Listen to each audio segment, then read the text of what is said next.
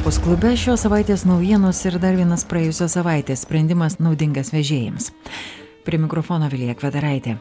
Tarptautinė bendruomenė palaiko siekį steigti specialų tribunolą, kuris užtikrintų Rusijos ir Baltarusijos vadovų baudžiamąją atsakomybę dėl karinės agresijos Ukrainoje, sako Lietuvos prezidentas Gitanas Nausėda. Svarbiausia rinkti pėtsakus, kurių paliekama vis mažiau rusai pasimokė iš pasaulio reakcijos į Bučią ir Borodenką, kur iki šiol rasta per 1200 nužudytų žmonių. Tarptautinėme baudžiamajame teisme jau vyksta procesas karo nusikaltimams ir nusikaltimams žmoniškumui tirti. Į Ukrainą šią savaitę nukeliavo ir keturi pirmieji prezidentai. Tie kuriems nereikia papildomų įrodymų apie genocidą žudynes ar rusijos grėsmę. Lietuvos prezidentas gitanas nausėda kartu su lenkijos andžejumi duda latvijos egilu levitu ir estijos prezidentu alaru karisu apsilankė kijeve taip pat žiauriai nuo rusijos nukentėjusiame borodenkos mieste. Gitanas nausėda perspėja ir kai kurias sąjungos valstybes nepuoselėti vilčių pasibaigus karui vėl normaliai bendradarbiauti su rusija. Anot jo tai bus įmanoma tik pasikeitus režimui. Na dėl gamtinių dujų iš tikrųjų nesu labai didelis optimistas, tai yra didžiulė infrastruktūrinė sistema, kai kurios valstybės darė žingsnius ne į e, nukreiptus ne į priklausomybės nuo rusiškų dujų mažinimą, bet atvirkščiai į priklausomybės didinimą. Turbūt jūs puikiai tai žinote. Ir šiandien e, smarkiai važiavus ir greitai važiavus į vieną pusę, sustabdyti ir apsukti automobilį ir pradėti judėti priešingą pusę, kai kurioms valstybėms sekasi gana sunkiai. Todėl Lietuva savo pavyzdžių ir norėjo pademonstruoti, kad galime tai padaryti. Galima tai padaryti pakankamai greitai tačiau žinoma reikia atsisakyti tam tikrų iliuzijų kurių net ir šiandien aš vis dar girdžiu kai kuriose retorikose kalbose ir tai demonstruoja kad vis dar kažkodėl tai puoselėjamos tam tikros viltys dėl bendradarbiavimo su rusija.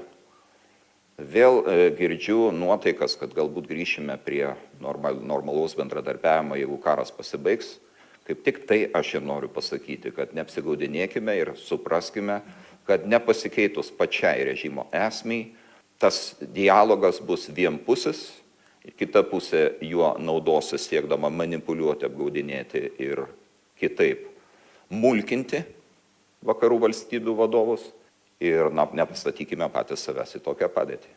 Taip kad turime daryti tuos žingsnius kuriuos privalome daryti. Lietuva čia žengia pirmosiose gretose bet dėl gamtinių dujų deja matyt turės praeiti dar tam tikras laikas kol kai kurios valstybės sugebės persiorientuoti. Grįžęs iš ukrainos spaudos konferencijoje kalbėjo lietuvos prezidentas gitanas nausėda. Tuo metu sąjungoje ruošiamas šeštasis sankcijų paketas rusijai bet panašu kad dėl jo derybos gali užtrukti dar ilgiau nei dėl penktojo.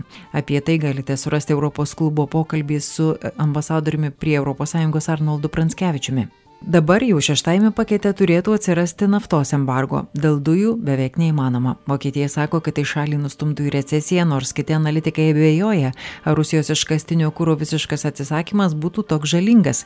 Apie tai kalbėjome ir europos klube praėjusį trečiadienį. Pasiklausykite mūsų podkestą rusija dar prieš mėnesį pagrasino kad jei bus embargo naftai kuri yra stambiausias pajamų šaltinis nutrauks tiekimą dujoms. Kaip ir dar pagrasino kad dislokuos branduolinius ginklus netoli baltijos valstybių ir Skandinavijos, jeigu Suomija ir Švedija nuspręstų įstoti į NATO.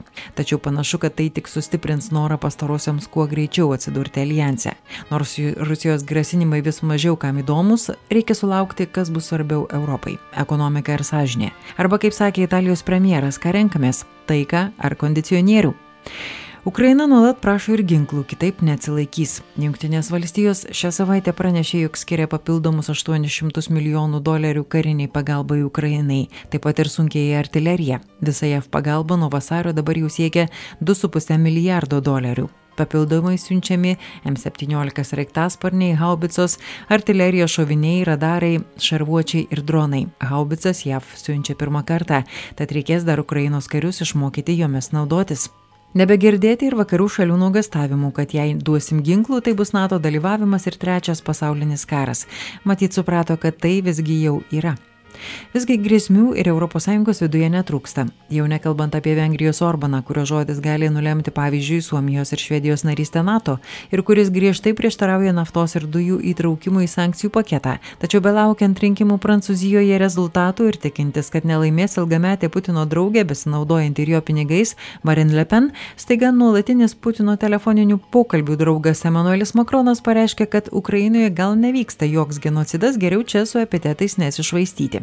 Austrijos premjeras irgi asmeniškai nukeliavo pas Putiną ar įsitikinti, kad tas vis dar gyvas, ar pasižadėti, kad dujas toliau pirks, neaišku, tiesa pakeliui užsuko ir į Ukrainą pas Volodimirą Zelenskį.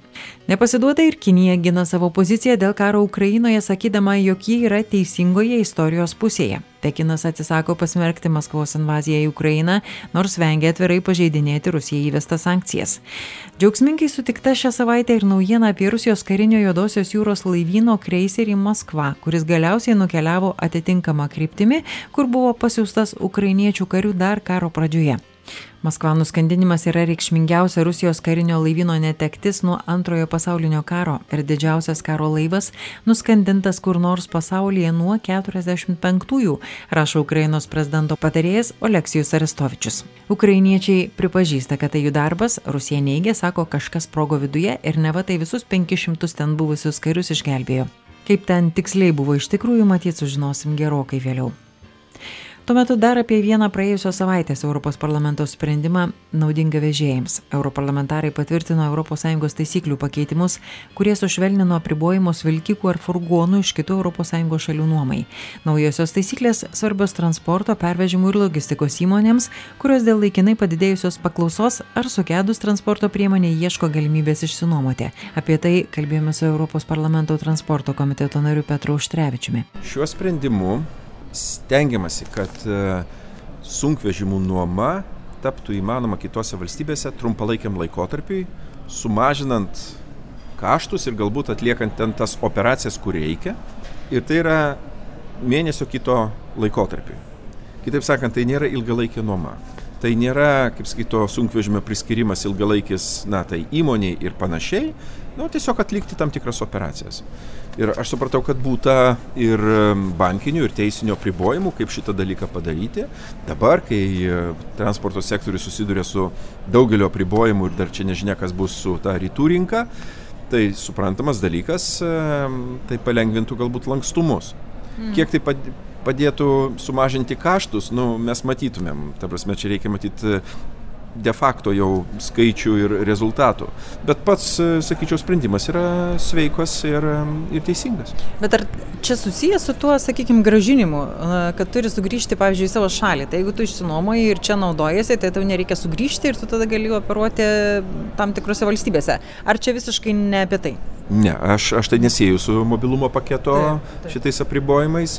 Ne, tai, tai yra daugiau, na sakykime taip, trumpalaikių pas, transporto paslaugų suteikimo galimybė atlikus paslaugas tuos sunkvežimus atiduoti Tiesiog tai, tai, siejama, tai daugiau ne? siejama su tuo žaliuoju kursu, nes ta trumpalaikė nuoma gali, n, reiškia, nukreipti prie naujesnių sunkvežimių nuomos, o ne naudoti tuos senus ir panašiai ir taip toliau. A, aš taip suprantu šitą sprendimą. Lietuvos, pavyzdžiui, atveju įsivaizduoju, jie tiesiog ne, negali išpildyti paklausos, tai tuomet, pavyzdžiui, išsinuomoja Prancūzijoje ir vežioja ten kažką.